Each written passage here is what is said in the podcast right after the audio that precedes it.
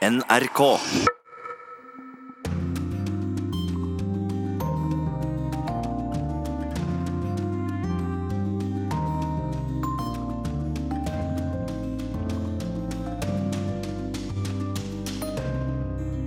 Terrororganisasjonen IS har fortsatt ikke anerkjent at de står bak den antatte terrorhandlingen i Marokko på mandag, der en norsk og en dansk kvinne ble drept.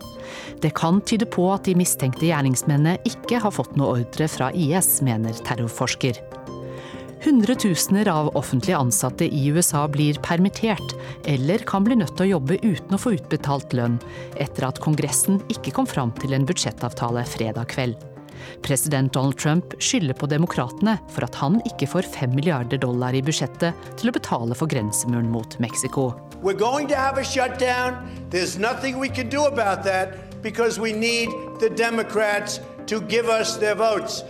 Og korrespondentbrevet om ca. tre kvarter er postlagt i Beirut. Stikkordet er 'kunsten å redde en due'. Den tredje dagen sto den ikke lenger. De spinkle beina klarte ikke å bære vekten av kroppen, og brystet var sunket ned mot jorden. Maten og vannet var tilsynelatende urørt. Velkommen til Urix på lørdag. Jeg heter Anja Strønen. Vi starter i Marokko. Her pågår politietterforskningen for fullt etter at norske Maren Uland og danske Louisa Vestager Jespersen ble funnet drept i et populært turområde i Atlasfjellene på mandag. Totalt er 13 personer pågrepet. Flere av dem har ifølge en video sverget troskap til terrororganisasjonen IS. Reporter Runar Henriksen Jørstad er på plass i Marokko, og jeg snakket med han for kort tid siden. Her har eh, dødsstraffdebatten eh, fått nytt liv etter drapene. Det er eh, dødsstraff i Marokko, men ingen har blitt henrettet siden 1993. Selv om flere har blitt dømt til døden de siste årene, også for terror. Men debatten går nå i de sosiale mediene. Mange mener at gjerningsmennene bak disse drapene bør henrettes. Men eh, lederen for eh, kvinners rettigheter eh, her sier at samfunnet nå blir testa i sånne krevende situasjoner som det nå er oppi, og at marokkanerne nå må spørre seg selv hvorfor skjer dette, og så må man jobbe med å forhindre at radikale holdninger sprer seg, i stedet for å gjeninnføre dødsstraff. Hvordan vil du beskrive reaksjonene på det som har skjedd? Veldig mange av de vi snakker med er veldig opprørt. De er veldig påvirka av det som skjer, og de, de syns det er fryktelig trist at dette rammer Marokko. Det var markeringer i går. Det er varslet flere markeringer eh, i helgen i flere byer. Folk skal gå i tog og demonstrere mot disse grusomme drapene, og for å vise sin støtte til de drepte og de etterlatte. Og så har også lederen for kontoret mot eh, korrupsjon her i Marrakech sagt til avisen eh, Marokko i dag at han ønsker å endre navnet på, på campen der Maren Uland og den danske venninnen hennes bodde før de ble drept. De vil at det stedet skal oppkalles etter de to venninnene. Du følger også etterforskningen tett, og hva skjer der i dag? Det var jo flere pågripelser både i går og dagen før. Totalt 13 personer er jo nå pågrepet. I går så ble det også funnet kniver, sverd, en rifle og utstyr som kan brukes til å lage bomber eh, i forbindelse med arrestasjonene, ifølge myndighetene. Takk til reporter Runar Henriksen Jørstad som var med oss fra Marokko. Og vi skal fortsette i Marokko, for seniorforsker Morten Bøås ved Norsk utenrikspolitisk institutt, som du har altså forsket på terrorisme. Som vi hørte så pågår debatten for fullt nå om bruk av dødsstraff. Eh, hva tror du vil skje? Ja, Det gjenstår å se. Altså, Marokko har jo um, altså Formelt sett så eksisterer dødsstraffen i Marokko, og folk har blitt idømt dødsstraff også i de senere årene, men altså, det er veldig lenge siden en dødsstraff har blitt altså, iverksatt, effektuert i, i Marokko. Det er klart at uh, denne saken har fått en voldsom oppmerksomhet i Marokko, og mange marokkanere er og også der ekstremt opprørt over dette her. Så det er nok en, hva skal man si, en folkelig opinion hvor mange nok kunne tenke seg at disse ble ikke bare idømt dødsstraff, men også ble, den ble iverksatt overfor dem. Men det gjenstår å se hva som kommer til å skje her. Mm. Vi skal snakke litt om, eh, om, dette her med om det var en terrorhandling eller ikke. Fordi at eh, Marokkos svar på FBI, altså BCIJ, de som har ansvaret for etterforskningen, de melder at pågripelsen av de ni siste som har skjedd det siste døgnet, da, angivelig er gjort fordi de har bånd til gjerningsmennenes terrorhandling. Kan vi nå slå fast at det var en terrorhandling, Bøås? Ja, Det er nå veldig veldig mye som tyder på at, altså det, at, drapene på disse to jentene var politisk motivert på en eller annen måte. Og da er vi innenfor det som er definisjonen av en terrorhandling. En video skal vise fire av de første som ble pågrepet mistenkt for drapene, eh, mens de sverger troskap til IS. Eh, vil det si at de da har gjort det på oppdrag av IS? Ja, Det gjenstår å se, og det får vel eventuelt eh, etterforskning, videre etterforskning vise. Men det er, altså det er jo flere muligheter her. En mulighet er at de har bestemt seg, altså en denne gruppen av menn har bestemt seg for å sverge denne troskapseden. og så, så, sverger de den, og så bestemmer de seg for å gjøre en handling. Altså Den andre muligheten er jo det at de har vært opp mot at de avlegger denne troskapseden. At de har vært i noe, en eller annen form kontakt med IS over nettet eller annet. Og har først blitt oppmuntret til å sverge eden, og så senere blitt oppmuntret til å gjennomføre en handling. Eh, det vanlige, hvis de har vært i kontakt med, med, IS på den måten, så er det vanlig at, det at direktivene de har fått ikke har vært uh, veldig detaljerte. Men igjen, altså, dette vet vi ikke sikkert, men det kan også godt være at uh, dette er Altså, de har organisert seg disse fire-fem, eller hvor mange det er, eh, lokalt, bestemt seg for å sverge denne eden. Og så har de rett etterpå bestemt seg for at eh, nå må ordene følges av handling, og så har det da endt på den måten det endte. For en video som angivelig viser drapene, har jo spredt seg via sosiale medier, og Kripos har bekreftet til NRK at de tror videoen er ekte. Men IS har ikke uttalt seg noe om denne videoen. Er det vanlig? Nei, det er ganske uvanlig. Altså, vanlig, altså Det vi har sett fra IS i den siste tiden, og spesielt etter at de mistet uh, alt det territoriet de hadde i Syria og Irak, er jo et IS som har vært veldig ivrig etter å påta seg ansvaret for uh, aksjoner. Alt som de på en eller annen måte kan hevde at de står bak, har de på mange måter veldig tidlig vært ute og sagt. Vi så det f.eks. For i forbindelse med altså, skytingen på julemarkedet i Strasbourg, hvor mindre enn 24 timer etterpå så var IS ute og sa det er vi som står bak. Her har det, så vidt jeg kan se altså nå har jeg, jeg skal ikke si at jeg har den fulle oversikten over hva som har skjedd i løpet av natten og i, i morgentimene, men uh, i hvert fall fram til i går ettermiddag eh, kveld så var det ikke kommet noen opplysninger noe sted om at IS påtar seg ansvaret for dette. Og det kan man jo da undres over, for det er uh, ganske uvanlig. Bør vi frykte mer terror nå?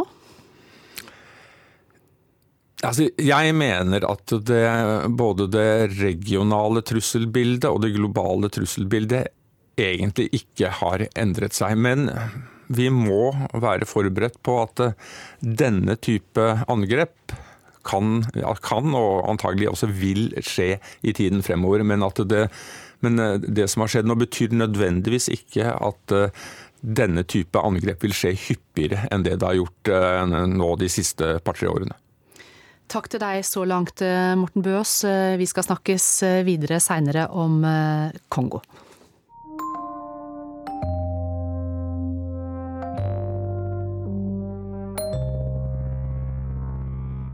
There are not the votes in the Senate for an expensive, taxpayer funded border wall. President Trump, you will not get your wall. Klar tale fra demokratenes leder i Senatet, Chuck Schumer, som altså ikke vil være med på å putte fem milliarder dollar i budsjettet for å betale for grensemuren mot Mexico. Shutdown er nå et faktum, etter at begge kamrene i Kongressen hevet sine møter uten å ha kommet fram til en budsjettavtale i går kveld. Og utenriksmedarbeider Marit Kolberg, du følger med på det som skjer i USA nå. På hvilken måte rammes folk i USA av dette som altså kalles shutdown? Altså Dette betyr at de offentlige myndighetene i landet ikke kan bruke penger. Iallfall ikke de etatene som skulle fått budsjettet sitt behandlet i denne omgangen. Og da snakker vi om minst eh, eller rundt 15 ministerier og en rekke andre etater, sånn som politi og nasjonalparker og offentlig transport. Flere steder blir det enten stengt, eller så må de ansatte jobbe videre uten lønn. Og vi snakker om ganske mange her. Rundt en 800 000 eh, mennesker er det som blir rammet av dette. Offentlige parker og severdigheter blir stengt, sånn som Frihetsgudinnen, Washington-monumentet og f.eks. parken eh, ved Golden Gate eh, i San Francisco. Men hvem er det som egentlig har ansvaret for at dette her skjer? Svaret på det vil nok variere veldig avhengig av hvem du spør. Donald Trump sier dette er demokratenes eh, shutdown, og sier at dette er ikke noe republikanerne kan gjøre noe med, siden demokratene ikke stemmer for hans forslag om å bevilge 40 milliarder kroner til dette grensegjerdet mot Mexico. Mens demokratene da sier at dette er Trumps ansvar, nå er det han som har slått seg vrang og legger fram et forslag som han vet han ikke får eh, flertall for. Hvordan kan det stoppes, da?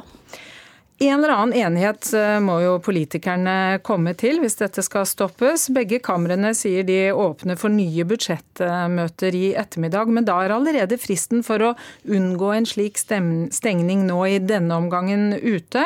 Men de kan bli enige om et midlertidig budsjett på én eller to uker, så får de da i det minste lengre forhandlingstid. Og et forslag til en midlertidig budsjettavtale kunne holdt økonomien flytende til februar. Men eh, ja, vi får vente og se. Det får vi. Takk til deg, utenriksmedarbeider Marit Kolberg. Og fra USA skal vi til Danmark. For Danmark eh, har nok en gang fått internasjonal oppmerksomhet for sin stadig strammere asyl- og innvandringspolitikk. Nyheten om at den danske regjeringen vil sende kriminelle utlendinger til en øde øy på Sjælland, gikk verden rundt. Også på hjemmebane har det blitt debatt, men da av helt andre grunner.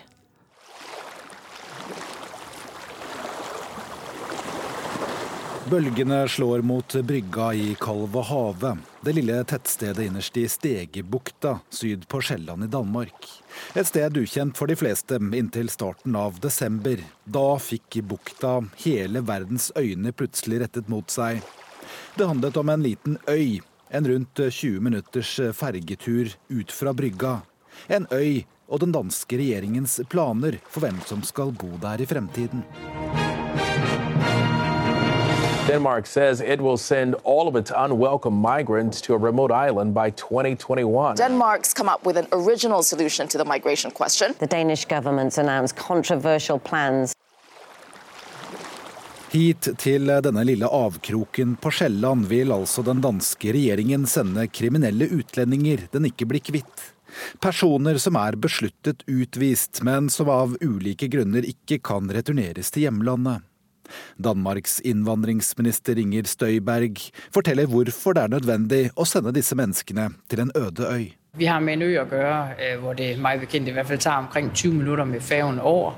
Øh, og det vil si vi får langt bedre styr på de mennesker nu, nå som der så skal, skal oppholde seg der. Og det er jo altså på den ene eller den andre måde kriminelle mennesker, og det er mennesker der er til fare for statens sikkerhet. Inger Støyberg er ministeren som står i spissen for Danmarks strenge innvandringspolitikk. Hun som feiret med kake da regjeringen hadde gjennomført 50 innstramninger på innvandrings- og asylfeltet. Planene om det regjeringen kaller et utreisesenter kom på plass i statsbudsjettet, og er velsignet av høyrepopulistiske Dansk Folkeparti. De ønsket i utgangspunktet å sette utlendingene i fengsel, men det hindrer internasjonale konvensjoner. Partiet mener derfor øya Lindholm er et greit kompromiss, forteller René Christensen til Danmarks Radio. Altså, Hvis det sto til Dansk Folkeparti, så skal man huske de har fått en dom på at de ikke må oppholde seg i Danmark. Så utgangspunktet er jo at de skal forlate Danmark. Øh, vi kan så ikke sende dem ut pga. menneskerettighetene. Så skal vi finne et alternativ. Vi vil gjerne putte dem i fengsel. Det må vi heller ikke. Og Derfor så er Lindholm øh, et godt alternativ, for vi kan nemlig holde mye mer styr på dem. For almost 30 years, Alcatraz Federal Penitentiary was the country's toughest prison. Sammenligningen med Alcatraz er ikke til å unngå. Ikke bare ligner Lindholm på den beryktede fengselsøya utenfor San Francisco, den ligger også omtrent like langt fra land. It's a prison where every inmate learns one thing. There is no way out. Den parallellen forklarer nok noe av den internasjonale interessen. Likheten til de etter hvert så beryktede australske interneringsleirene for flyktninger og migranter er en annen forklaring. FNs høykommissær for menneskerettigheter mener planene uansett er en dårlig idé. We have seen the negative impact of such policies of isolation and should not replicate these policies. Jeg synes det er en dårlig idé. Dødelægger et samfunn på 500-600 mennesker hernede. Huspriserne, hva jeg har hørt, er allerede fattet enormt. Og det blir nok ikke bedre når de kommer. Heller ikke lokalbefolkningen på land er særlig begeistret for planene. Mange av de drøyt 600 innbyggerne har også begynt å kalle Lindholm for Alcatraz, men de understreker at det er en viktig forskjell. Fra Alcatraz gikk det ingen ferge for fangene til land. Det blir det på Lindholm. Beboerne på øya vil bare måtte være der på natten. På dagtid kan de ta fergen til land, ingen kan hindre dem i det. De har jo sonet ferdig sin straff i fengsel. De lokale er allerede livredde. Folk vil føle seg utrygge, og øh, vi har våre mange anelser om at det kan gå riktig galt. Det er ingen der er flyttet fra Sjælsmark Inger Støyberg og flere andre sentrale politikere stilte denne uken på folkemøte utenfor Kalvehavet for å forsøke å roe gemyttene. Men løfter om politi til stede både ute på øya og ved fergeleie på land var ikke nok. Det kokte blant de mange hundre fremmøtte, som også lo hånlig av politikernes forklaringer. Og det, derfor, jamen, jamen det er, jamen, nå kommer de. Befolkningen i Kalvehavet klamrer seg nå til håpet om et regjeringsskifte. Det er valg i Danmark til våren. Sosialdemokratene har lovet å skrote planene på Lindholm hvis de vinner valget. Det sa reporter Petter Olli Hauge.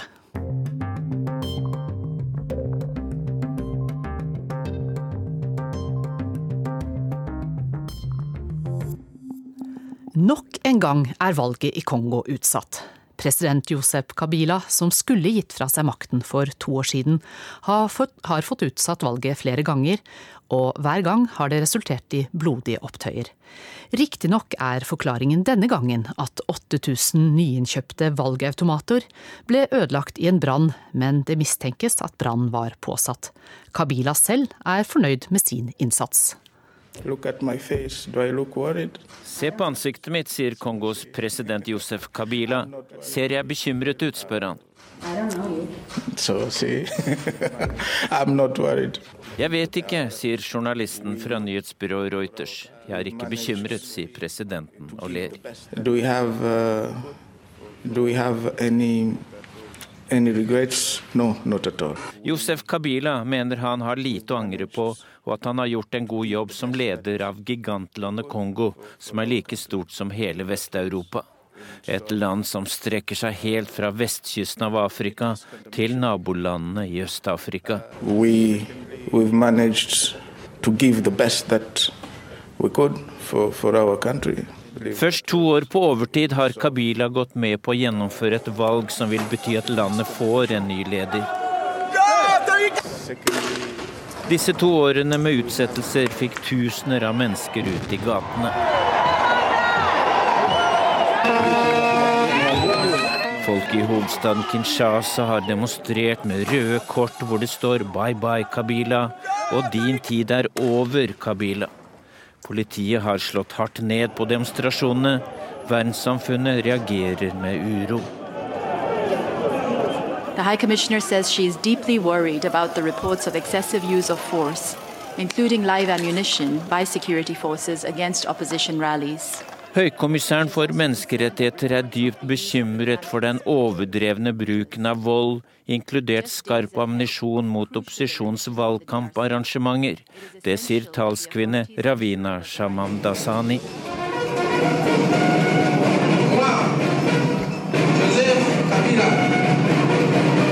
President de la République démocratique du Congo. Dette er Josef Kabila da han ble tatt i ed som landets leder i januar 2001. Han var general i hæren inntil han tok over farens plass. Det skjedde etter at Laura Kabila ble drept av sin egen livvakt. Josef Kabila vant valgene i 2006 og 2011.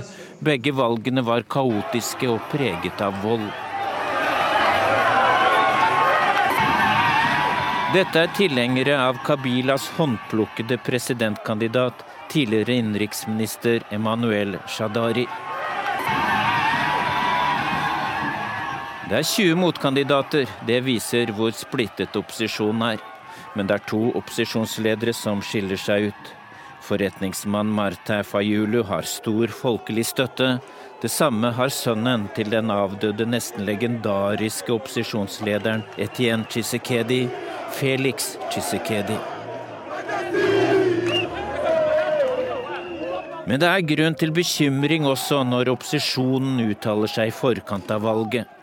Partiet til Chisekedi vil ikke godta noe annet resultat enn at Felix Chisekedi blir Kongos neste president. Et la vérité des urnes ne peut correspondre qu'avec la victoire de Félix Tshisekedi, qui déjà, avant même la campagne électorale Sannheten skjult i valgurnene kan bare bety seier for Chisekedi. Meningsmålinger før valget viste det, sier partiets generalsekretær Jean-Marc Kabund. Et aujourd'hui, avec la campagne électorale, tout a été prouvé que le candidat Félix Tshisekedi va gagner les élections. Et nous en sommes sûrs, et tout autre résultat ne ferait qu'énerver le peuple. Alt tyder på at Tshisekedi vil vinne, noe annet vil provosere folket, sier generalsekretæren.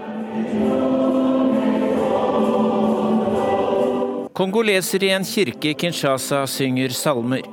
Kirken har spilt en sentral rolle i å forsøke å skape dialog mellom regjeringen og opposisjonen. Kirkeledere og verdenssamfunnet frykter uro når valgresultatet skal offentliggjøres. Valguroen kommer på toppen av all annen uro i Kongo. En rekke opprørsgrupper kjemper om makt og ikke minst naturressurser. Kongo har store forekomster av kobber, gull og diamanter, og av sjeldne mineraler som koltan. Metallene plyndres og utvinnes under sterkt kritikkverdige forhold, ofte av barn. Koltan er en helt sentral ingrediens i batteriene til moderne mobiltelefoner og elbiler. Kongos over 80 millioner innbyggere har sett lite til inntektene fra naturressursene. Ifølge Verdensbanken lever om lag 75% av befolkningen under fattigdomsgrensen.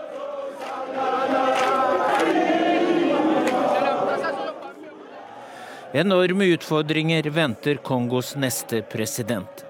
Men blir han valgt på rettferdig vis? Eller har Josef Kabila en finger med i spillet om hvem som skal vinne? So, see, I'm not worried. Det sa Josef Kabila, og reporter her var Dag Dørum. Eh, Dag Bredvei, unnskyld. Eh, seniorforsker Morten Bøås ved Norsk utenrikspolitisk institutt. Du er heldigvis med meg i studio fortsatt, fordi at eh, Kongo er et land du kjenner svært godt. Altså, Josep Kabila sa her at han er ikke noe bekymret. Hvorfor bør verdenssamfunnet være bekymret? Ja, vi bør være bekymra fordi altså ved tidligere valg så har det vært valguro og vold i etterkant av valgene. Og dette valget er noe spesielt. Det ene er at det kommer to år på overtid. Det andre er at Kabila ikke kan stille til valg, og derfor ikke stiller til valg, selv om han nok gjerne skulle gjort det. Og Det betyr jo at opposisjonen ser for seg virkelig en mulighet for et regimeskifte. Og hvis det blir uklarheter i forbindelse med dette valget, så er nok jeg redd for at vi vil se mer, kan se mer omfattende vold og uro i etterkant enn det vi har sett ved de to foregående valgene. Og altså Det verste scenarioet er jo det at du får et ny utbrudd av større krigshandlinger i Kongo. Hvor sannsynlig det er, det er jeg kanskje noe usikker på, men det kan føre til stor uro i det landet som er på mange måter Sentral-Afrikas hjerte. Og så er jo problemet vel også her at det er totalt 21 kandidater som stiller til valg. Eh, opposisjonen sliter med å enes om én kandidat. Hvorfor det? Nei, altså Det er mye personlig interesse her, ambisjoner, eh, nettverk eh, som er laget, allianser som gjør at man ikke klarer å lime dette sammen. Og Det sier jo også noe om hvor fragmentert egentlig landet er, men også, også hvordan Kabila ganske bevisst har styrt gjennom fragmentering, istedenfor å prøve å få til en form for en sentralisering. Og Nå var man ganske nære for noen måneder siden, hvor to av de fremste kandidatene, det er altså Felix Tsjekitsjedi og Martin Fajuke, sa at nei, nå skal vi samarbeide. Vi skal bare, De, de seks viktigste, viktigste, opposisjonspartiene går nå sammen rundt én kandidat. Det skulle være Martin Fajuke. Så går det mindre enn 24 timer, så bryter da Felix eh, og hans eh, visepresidentkandidat Vital Kamere ut av den. Og Det er klart at dette er til fordel for Kabila og hans håndplukkede etterfølger. Ja, fordi at mange kongolesere er overbevist om at det blir eh, Kabilas eh, håndplukkede kandidat, altså Shadari, mm. ja, som vil gå seieren ut. Hvor sannsynlig er det? Han er nok en knapp favoritt, og den eh, favorittstempelet hans det økte når denne seksparti opposisjonsalliansen sprakk. Årsaken til det er flere enn at opposisjonsstemmene vil nå fordele seg på, altså på to kandidater. Og så har du disse, andre, altså den store hurven som også drar noe. Men det andre er jo det at um, det ved de foregående valgene så har det også vært valgfusk. Og eh, valgfusk er mye lettere å organisere når marginen blir mindre. Helt kort til slutt her, eh, Morten Bøås. Valget er altså utsatt til 30.12. Litt over en uke til. Har du noe tro på at det blir gjennomført da? Jeg tror det, men jeg er langt fra sikker. Takk, seniorforsker Morten Bøås ved Norsk utenrikspolitisk institutt.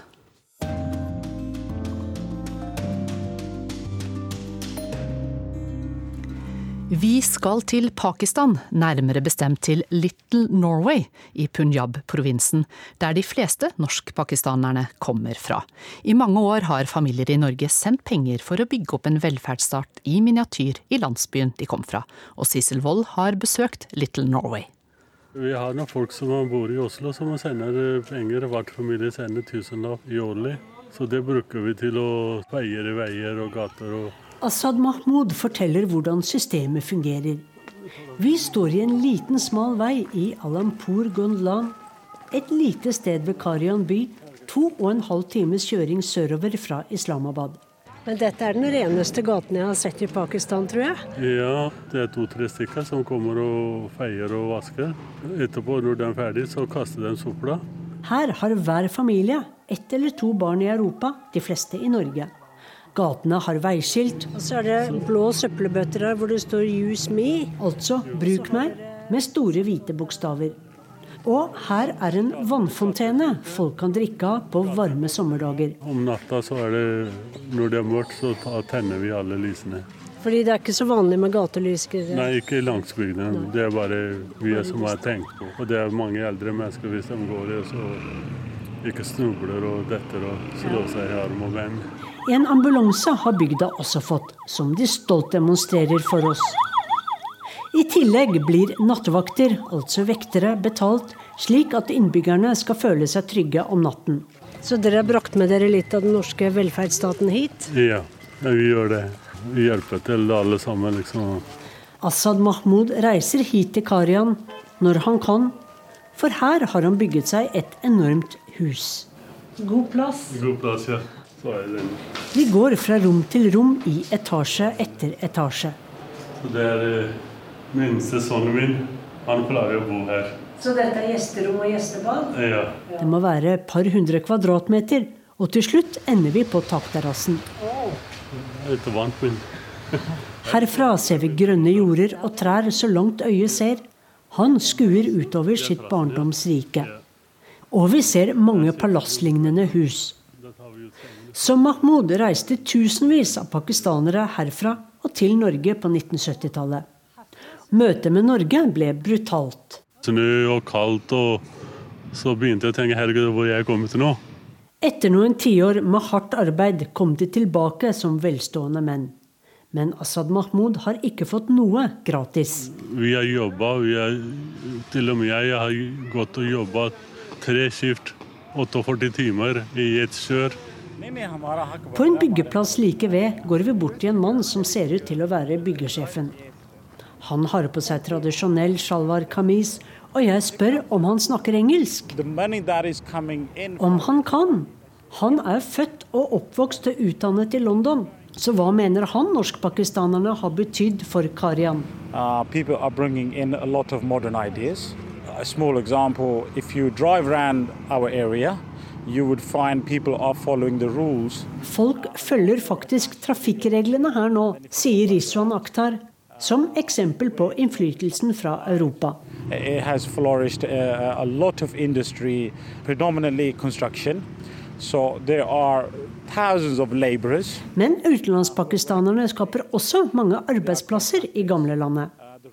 Selv forsøker han å ta med seg det beste fra Europa til Pakistan.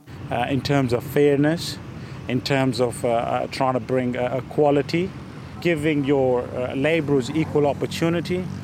Jeg spør om noen i Karian reagerer på å få europeiske ideer og kultur tredd over hodet. So it is more of them feeling uh, left out of this uh, opportunity. Nei, det er heller slik at de som ikke dro ut, føler at de har mistet en mulighet, svarer Akhtar.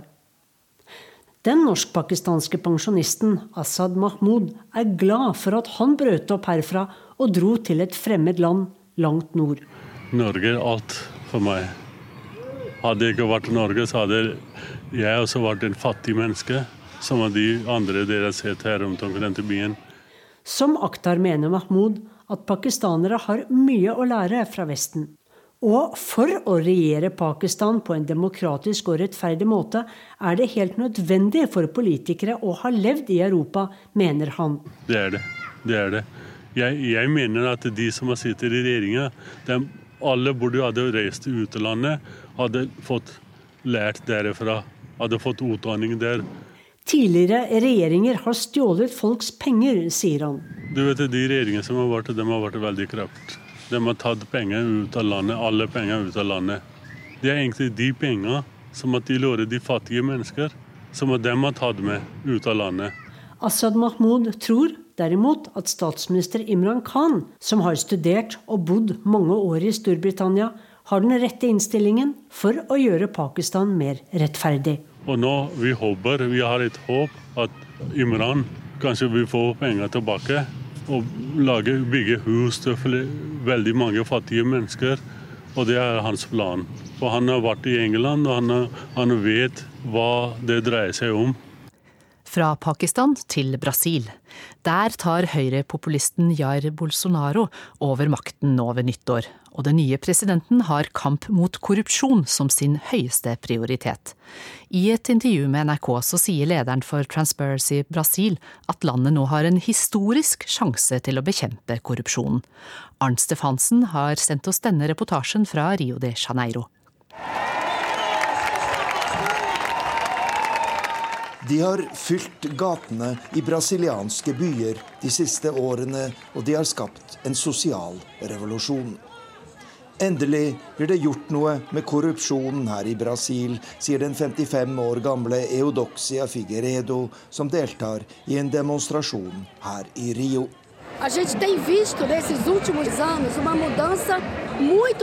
De siste årene har vi sett en veldig stor endring her i Brasil. En lang rekke ledende politikere og næringslivstopper er fengslet for korrupsjon, noe som tidligere var utenkelig. Landet er i endring, og folkelige protester er blitt lyttet til, sier 55-åringen.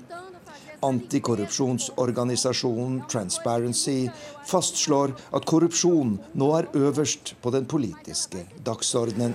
Tema nummer um i debatten i det é corrupção. Tema nummer én i den brasilianske debatten er korrupsjon, sier Bruno Brandão, lederen for Transparency Brasil.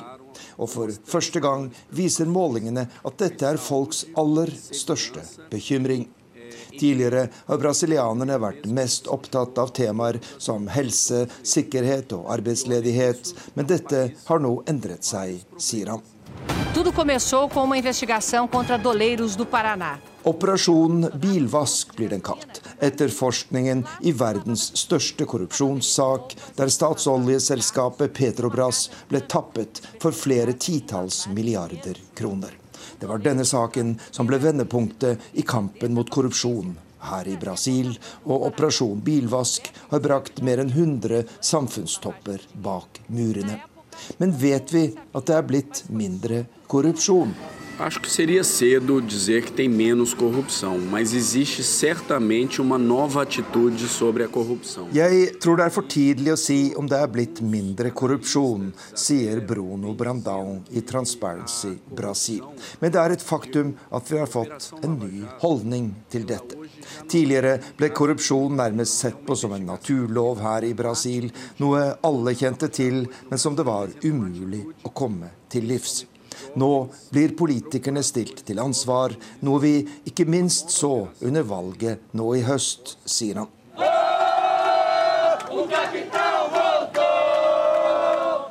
Tilhengerne til Jair Bolsonaro jubler etter valgseieren i oktober. At den omstridte høyrepopulisten regnes som ukorrupt, er en viktig grunn til at han vant valget og etablerte og antatt korrupte partier i nasjonalforsamlingen opplevde et brutalt møte med velgerne. Brasil har en historisk mulighet til å bekjempe korrupsjon, men mye kan fortsatt gå galt, sier Bruno Brandão i Transparency. Há preocupações também, muito sérias preocupações, porque é um governo de viés autoritário det er grunner til å være bekymret. Bolsonaro fremstår som en autoritær leder med antidemokratiske tendenser. Og det er ikke det beste utgangspunkt for en prosess som trenger alle gode krefter for å lykkes. Men han har fått landets mest kjente korrupsjonsjeger som justisminister, og det er en god start, sier lederen for Transparency Brasil. Eu pego meu violão de guerra pra responder essa sujeira. Jeg bruker min gitar som våpen for å kjempe mot denne dritten, synger artisten Anna Carolina i sangen 'Brasil Corrupção'. Kampen mot korrupsjon står i fokus når nye myndigheter tar makten ved nyttår, og brasilianernes kanskje fremste nyttårsønske er at de skal lykkes.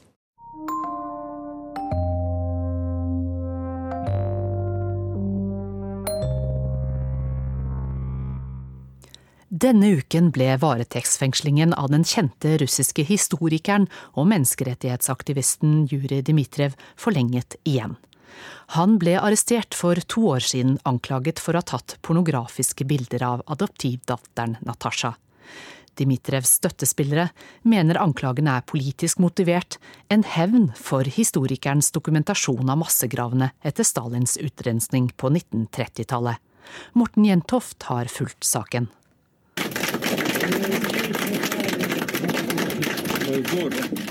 Applaus var det som møtte 62 år gamle Juri Dmitrijev da han mandag denne uken ble ført inn i rettssalen i Petrosavodsk, russisk Karelens hovedstad. En stor gruppe menneskerettighetsaktivister og noen russiske og utenlandske journalister, blant dem Anna-Lena Laurén fra Dagens Nyheter, hadde møtt fram for å følge en sak som mange mener handler om mye mer enn fabrikkerte anklager mot en brysom historiker.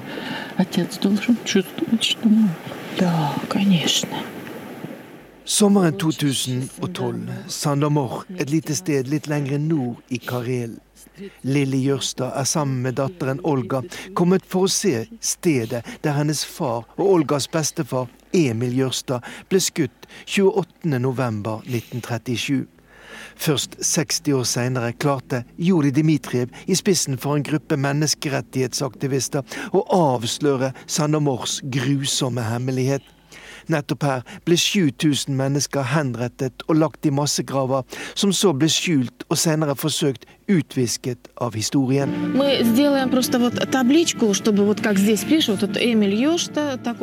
I programmet Lillys sang, som er nå avdøde kollega Morten Ruud laget om Lilly og Olga Jørstads reise til Emil Jørstads ukjente grav i Karel, fortalte de to om hvor viktig det nå var å vite hva som hadde skjedd med den da 35 år gamle norskættede fiskeren fra den norske kolonien Sypnavalok på Kolahalvøya. For dem var det arbeidet som Juri Dmitrijev hadde gjort, av svært stor betydning. Derfor var det et sjokk for dem å høre at Juri Dmitrijev 13.12.2016 ble arrestert og anklaget for barnepornografi etter at politiet hadde fått et anonymt tips om at han hadde tatt nakenbilder av sin adoptivdatter Natalia Многие справки надо дополнять, появились какие-то новые материалы. Juri Dmitrijev var et kjent navn langt utenfor Karelens grenser. Jeg møtte ham selv på midten av 1990-tallet, da han hjalp meg å finne fram opplysninger om flere av de norskættede som var ulovlig dømt og også henrettet under Stalin-tiden på 1930-tallet. Det gjaldt foruten Emil Jørstad også Henrik Berger, Claes Sjøstrøm og Erik Tandberg. Она доехала до него, разговаривала, сидя, там отпустили его на два I programmet Lillysang fortalte Lilly Jørstad om at hennes mor Mildred i 1937 hadde dratt for å besøke Emil, som da sonet en dom på fem års straffarbeid som sjømann på en båt på Kvitsjøkanalen. Denne dommen var nesten ferdigsonet da Emil ble framstilt for retten på nytt og dømt til døden, for å oppfylle de kvotene som var satt for folkefiender som skulle henrettes i Karelen. Juri Dmitrijev møtte i 1997 anerkjennelse overalt for at han hadde vært med å avsløre Stalin-tidens forbrytelser. Men de siste årene har det skjedd en langsom rehabilitering av mange av de personene som mange mener var ansvarlige for det som skjedde den gangen. Ikke bare er det reist statuer av Josef Stalin mange steder i Russland. I Karel begynte også det russiske militærhistoriske selskap egne utgravninger i Sandomor for å forsøke å finne bevis for at noen av de som lå gravlagt i massegravene fra 1930-tallet, i virkeligheten var russiske krigsfanger som finnene hadde skutt og begravet i den perioden de kontrollerte området under annen verdenskrig. Kritikerne har sagt at dette bare er et forsøk på å undergrave det arbeidet som Juri Dmitrijev og andre menneskerettighetsaktivister har gjort for å avsløre Stalin-tidens grusomheter. Juri Dmitrijev ble i januar 2018 satt fri, og i april 2018 ble anklagen om barnepornografi droppet. Men samtidig fikk han forbud mot å forlate hjembyen Petrosavodsk, og det ble reist nye anklager for ulovlig besittelse av våpen. Da han i juni 2018 valgte å dra i en begravelse til en venn utenfor Petrosavodsk, ble han arrestert, samtidig som anklagen om barnepornografi ble reist på nytt. Saken mot Juri Dmitrijev blir av mange i Russland sett på som en prøvestein, både for landets rettssystem, men kanskje viktigere, om Russland nå er moden for å akseptere deler av sin tragiske historie. De siste årene har den politiske ledelsen i Karel uteblitt fra årlige minnemarkeringer i Sandomor, der altså Emil Jørstad og kanskje flere andre norskættede ligger i ukjente massegraver. Samtidig avduket president Vladimir Putin høsten 2017 et stort minnesmerke i Moskva for å minnes nettopp Stalin-tidens ofre. For Lilly og Olga Jørstad har altså det arbeidet som Jure Dimitrijev har gjort, vært av svært stor betydning. De tok med seg litt jord fra Sandamor i Karelen og har lagt denne jorden på kirkegården i Vadsø i Finnmark, der de nå bor. Men for jord i Dmitrijev er framtiden høyst usikker. Det fortalte utenriksmedarbeider Morten Jentoft. Og da er vi kommet fram til ukas korrespondentbrev. Det er postlagt i Beirut, signert Kristin Solberg. Det var kattene som så den først. Det hadde gått en stund uten at jeg hadde hørt lyden av små poter på tregulvet, og med dyr, som med små barn og i og for seg også i krig, kan stillhet være tegn til uråd. Jeg lukket laptopen og gikk for å sjekke. Jeg fant dem ved balkongdøren, der de satt helt urørlige og stirret ut. Det sto en due i en av blomsterpottene utenfor, i ly av bladene til en plante. Det var et merkelig sted for en due, der nede i potten, ikke på en grein eller på gelenderet, men jeg tenkte ikke så mye over det da. Duer flyr ofte innom balkongene her i byen, de parer seg og lager eder, fødes og dør, tett inntil stedene der menneskene gjør det samme, Så jeg gikk tilbake til laptopen og fortsatte arbeidet. Jeg husker ikke lenger hva jeg jobbet med, men det er ganske sikkert at det var en reportasje om en krig et sted, eller sult, eller en kombinasjon av begge. Jeg hadde vært i Jemen like før, så det er ikke usannsynlig at den handlet om begge deler. Neste dag satt duen der ennå, på samme sted, stille og pjusk under bladene. Da jeg åpnet balkongdøren og gikk ut, så den meg og stivnet. Så forsøkte den å fly, men vingene bar den ikke, den flakset hjelpeløst og falt ned på bakken. Det var åpenbart at duen ikke kom seg noen steder, kanskje var vingen brukket. Jeg satte ut litt vann og brødbiter, men den lot ikke til å ense det. Den vendte kinnet til og så på meg med et fryktsomt knappenålsøye. Den tredje dagen sto den ikke lenger. De spinkle beina klarte ikke å bære vekten av kroppen, og brystet var sunket ned mot jorden. Maten og vannet var tilsynelatende urørt. To ting slo meg i rask rekkefølge. Nummer én, duen kom til å dø der ute. Den var så liten og svak, og uten mat og vann holder ingen vesener lenge. Den ville dø der ute, mens jeg lagde reportasjer om krig og sult her inne. Nummer to. Hvis den døde, uten at jeg hadde gjort noe for å forhindre det, var i minste litt dueblod på mine hender. Jeg hadde nettopp vært i Jemen, der et barn dør hvert tiende minutt av årsaker som lett kan forhindres, men som ikke blir det. Jeg forberedte en tur til Syria, der nesten en halv million mennesker er blitt drept de siste syv årene, uten at noen har hatt vilje eller evne til å stanse det. I jobben min ser jeg dem dø på nært hold, og de blir værende inni meg, disse drepte menneskene som vi alle har sviktet. Man kan kanskje ikke stanse krigen i Syria eller hungersnøden i Jemen, men man kan hjelpe en due med å leve. Og noen ganger er det nettopp det som skal til for å få en selv til å føle at man lever. Noen ganger er det det som gir mening. Det var id. Id i den muslimske verden er litt som julen i den kristne. Det meste er stengt. Folk tar ikke telefonen, heller ikke hos mange veterinærer. En veterinær kan dessuten være så mangt. Mange spesialiserer seg på hunder og katter, noen på store dyr som hester, men det er relativt få som kan noe om fugler, i hvert fall blant de få som tok telefonen i Beirut under id. Den hos oss som kan noe om fugler er på ferie, han er tilbake på tirsdag. Det er fem dager til, jeg tror ikke duen lever så lenge. Jeg vet ikke hva jeg kan si, prøv igjen på tirsdag. Det lot ikke til at de jeg snakket med forsto alvoret i det som var i ferd med å skje ute på balkongen. Jeg mistenkte at det ville ha vært annerledes hvis jeg ringte om en undulat eller en papegøye, men hvorvidt en skitten due levde eller døde, var mer enn mange brydde seg om. Den var bare én av millioner av andre duer, vesener som forsøpler bybildet med dritt. Skadedyr, sier noen, rotter med vinger, sier andre. Av en eller annen grunn har utenforskapet, det skitne, det fordømte, det misforståtte, alltid vært tiltrekkende for meg. Kanskje fordi jeg syns det er mer interessant enn innenforskapet, der livet er enklere, mer skråsikkert.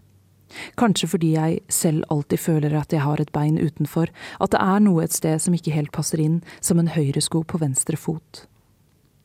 For meg gir duer dessuten positive assosiasjoner. Jeg ser for meg eldre mennesker på parkbenker som mater duer med korn fra en liten pose. Slike scener fyller meg gjerne med en slags omvendt nostalgi, en lengsel etter noe som ennå ikke har skjedd. Jeg har innimellom ønsket å bytte plass med menneskene på parkbenkene. Kanskje fordi de tilsynelatende lever livet så langsomt, mens jeg lever livet i så stor hastighet at jeg noen ganger lurer på om jeg egentlig lever. Om jeg ikke på et vis går glipp av det hele på veien. Duen på balkongen var utstøtt selv blant andre utstøtte. Den var kanskje den styggeste duen jeg har sett, med pjuskete, ujevne og matte fjær. Liten og skakk kropp.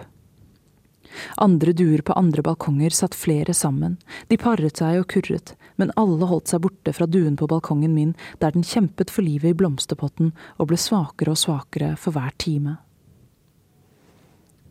Jeg fant til slutt en veterinær utenfor byen.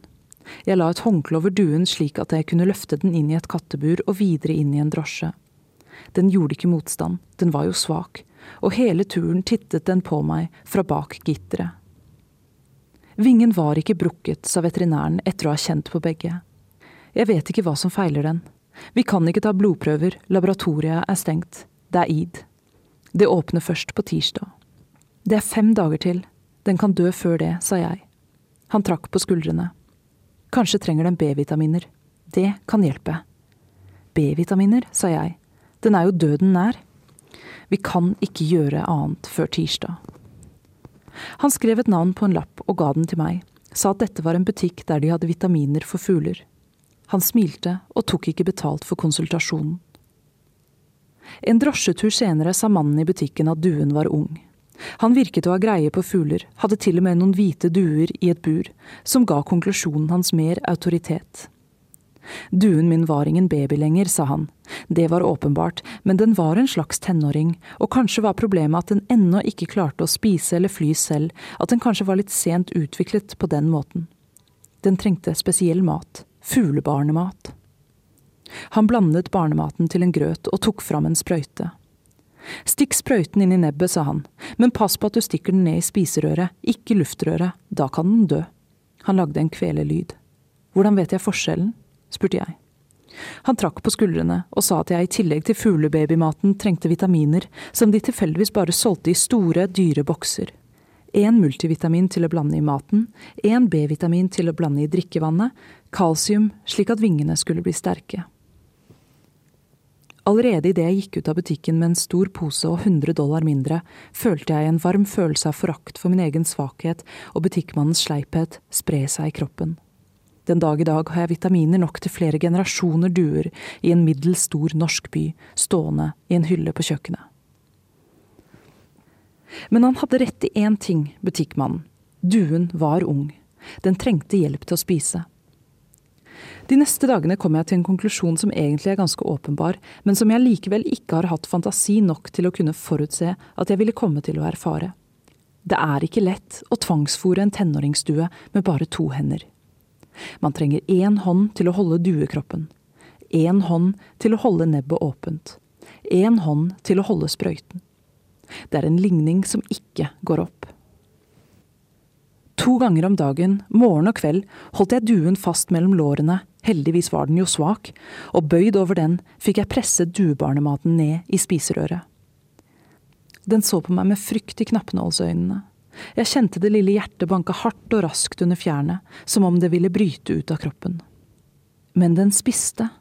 Den ble sterkere.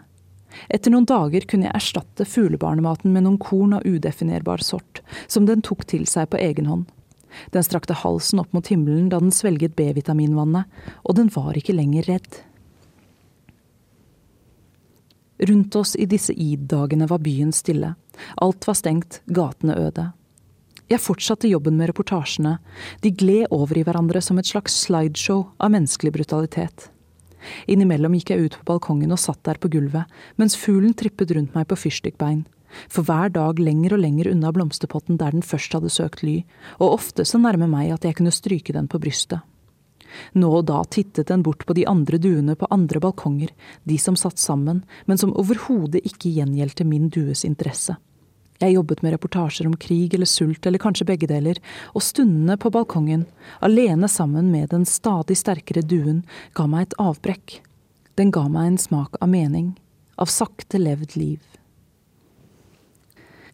En morgen, en ukes tid senere, sto duen plutselig på balkonggelenderet. Så fløy den videre, ut i byen. Jeg var blitt ferdig med reportasjen om krig og sult i Jemen, men man blir egentlig aldri ferdig. Det kommer nye reportasjer om krig, om sult. Er det noe det er nok av i verden, er det det. Det brutale blir rutine. Kanskje var det derfor jeg satte pris på besøkene. Jeg vet ikke om det var B-vitaminvannet, kornet eller selskapet den savnet, men de neste par månedene kom duen min til balkongen omtrent annenhver dag.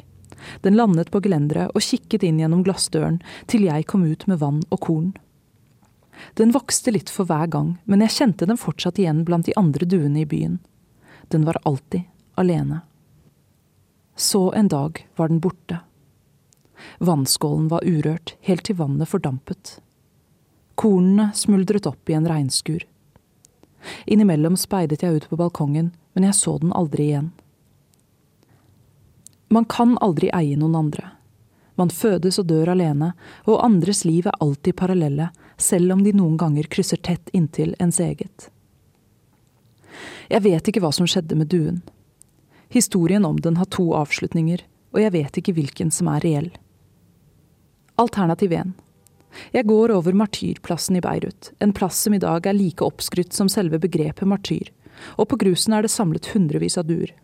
Noen menn står og mater dem, noen barn løper etter dem, men duene flyr unna og fortsetter å spise. Jeg får en sterk følelse av at nettopp min due er blant dem, at den har funnet venner og spisesteder, at den liksom endelig har funnet sin plass i verden, og jeg begynner å smile mens jeg går hjem for å lage reportasje om en krig et sted. Alternativ to. En kald høstdag noen måneder senere kommer en due til balkongen min. Den er større enn min due en gang var, fjernet litt lysere grå. Den ser pjusk ut, og etter noen timer på gelenderet faller den ned i blomsterpotten, død. Den blir liggende slik i flere dager, mens kroppen stivner og glassøynene stirrer ut på alt og samtidig ingenting. Jeg forteller meg selv at dette ikke er min due, den ligner jo ikke, ikke helt, men den kan jo ha vokst og endret seg, slik man gjør når man vokser opp.